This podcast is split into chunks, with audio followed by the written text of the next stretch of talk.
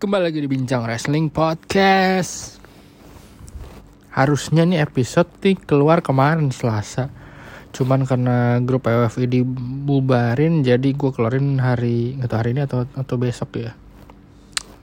Cuman Intinya rating Dynamite dan Oh sorry Kok Dynamite sih?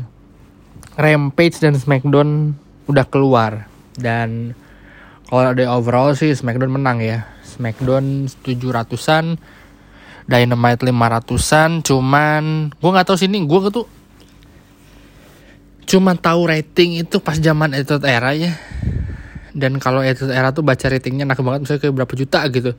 Karena kan kalau rating sekarang tuh kayak dari demografi lah dari per jamnya lah kayak gitu gitulah Oh, gue mau mau ngebahas tentang rating ini ya. Jadi ada beberapa artikel yang nyebut satu nih tentang si uh, banyak yang bilang kalau yang orang-orang yang ngerti rating itu bilang kalau AEW Rampage menang di setengah eh di setengah jam pertama gitu. Karena kan WWE itu uh, SmackDown du itu tuh uh, apa namanya?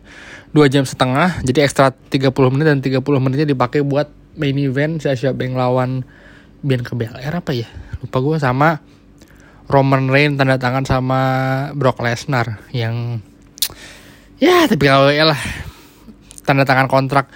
Gue udah nonton dari zaman Stone Cold mungkin aja sampai sekarang tanda tangan kontrak aja terus anjir. Dan yang lucunya ada tanda tangan kontrak kadang-kadang enggak. Kadang-kadang wah nggak nggak ngerti gue aja tanda tangan kontrak gini. Udahlah sebentar di main event lagi kan kebiasaan. Padahal main event ini bisa siapa gitu nah udah gitu. Jadi setelah itu di di sama yang suka suka yang bukan yang suka yang paham rating tuh ngelihat kalau dem dari demografi dari apa itu lebih menang WWE dari dari setengah jam setengah jam awalnya gitu. Dan ke sini sini ya WWE cuma 700 karena WWE kan uh, SmackDown kan biasanya 2 jutaan ya.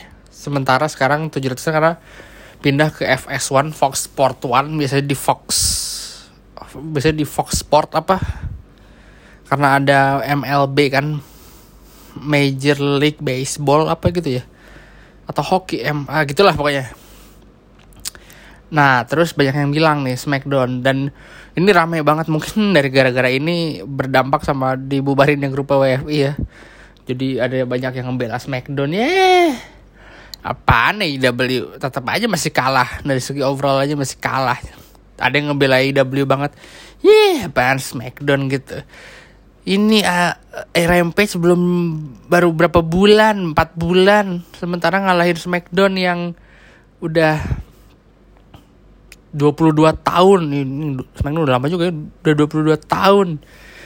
Terus WWE udah 70 tahun sementara AEW baru 2 tahun. Wah dikalahin segala macam gitu-gitu dan gue yakin ini debat yang tidak akan ada habisnya gitu. Sampai kapan pun sampai kapan pun ya menurut gue sampai gimana pun pasti nggak ada habisnya gitu.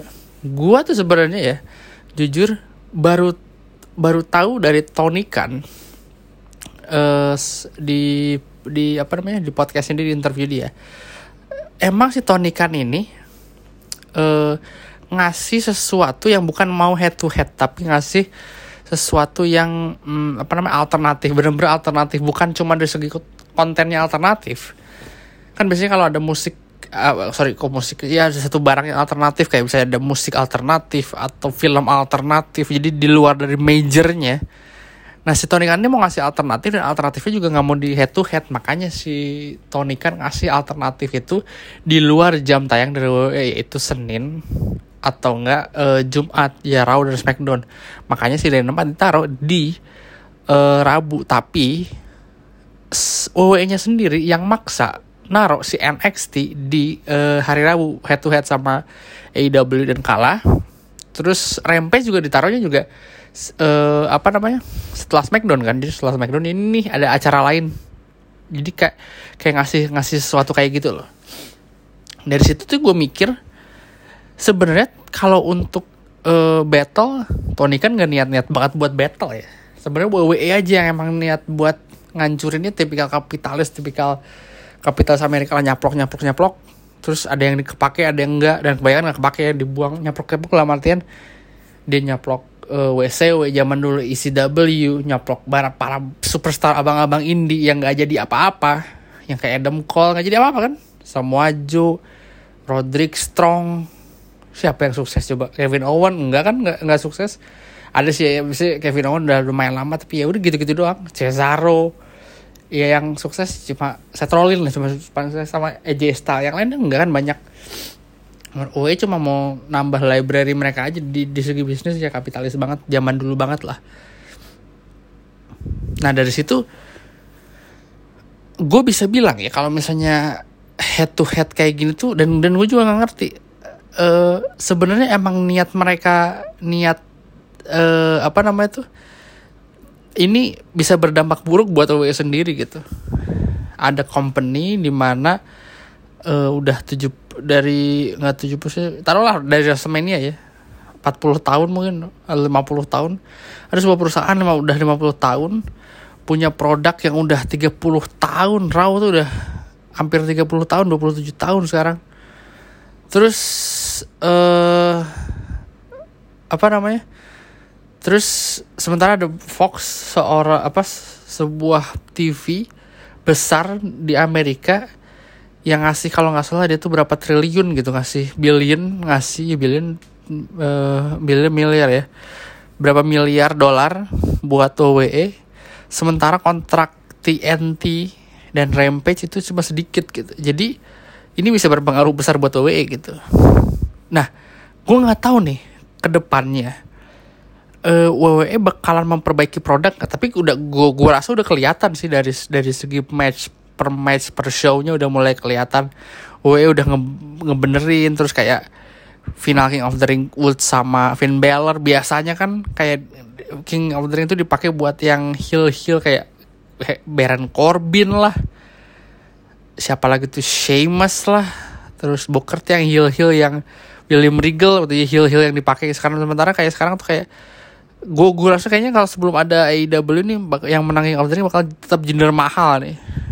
Tapi kayaknya setelah ada AEW dan AEW mulai panas finalnya Woods sama Finn Balor yang mana dua orang ini bakalan kita ngerasa kayak ini kayaknya bakalan menyajikan pertandingan yang bagus. Kan Woods juga dulu abang-abang India Finn Balor juga sama gitu terus kayak match per match di acaranya juga lumayan lumayan oke okay gitu dari WWE gitu. Nah mungkin terus dia ngerasa kayaknya di Oktober ini nggak ada pay per view lain selain Crown Jewel karena Crown Jewel beberapa tahun ke belakang kayak ya cuma house house show doang gitu. Ya cuma buat nyenengin orang-orang Arab lah nih lo lihat kan? Big star big star lo lihat deh orang-orang Arab gue seneng kan? Apa uh, kerajaan-kerajaan Arab gitu. Seneng kan? Happy ya udah balik balik gitu. Sementara fans yang orang lain di di luar sana yang yang ini nggak di nggak di nggak disenengin gitu ya.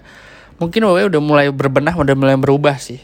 Tapi gua gua rasa kalau misalnya tetap kayak gini bakal tetap kalah si si AEW dan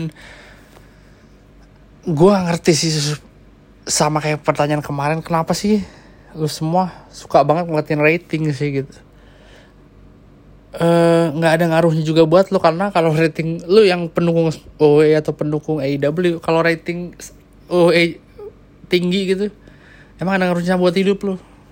Eh, rating AEW ngalahin OE emang ada pengaruhnya buat hidup? Nggak ada kan? Kecuali lo, lo kerja di sana atau apa gitu. Jadi intinya please lah. Sekarang menurut gue udah nggak usah lah.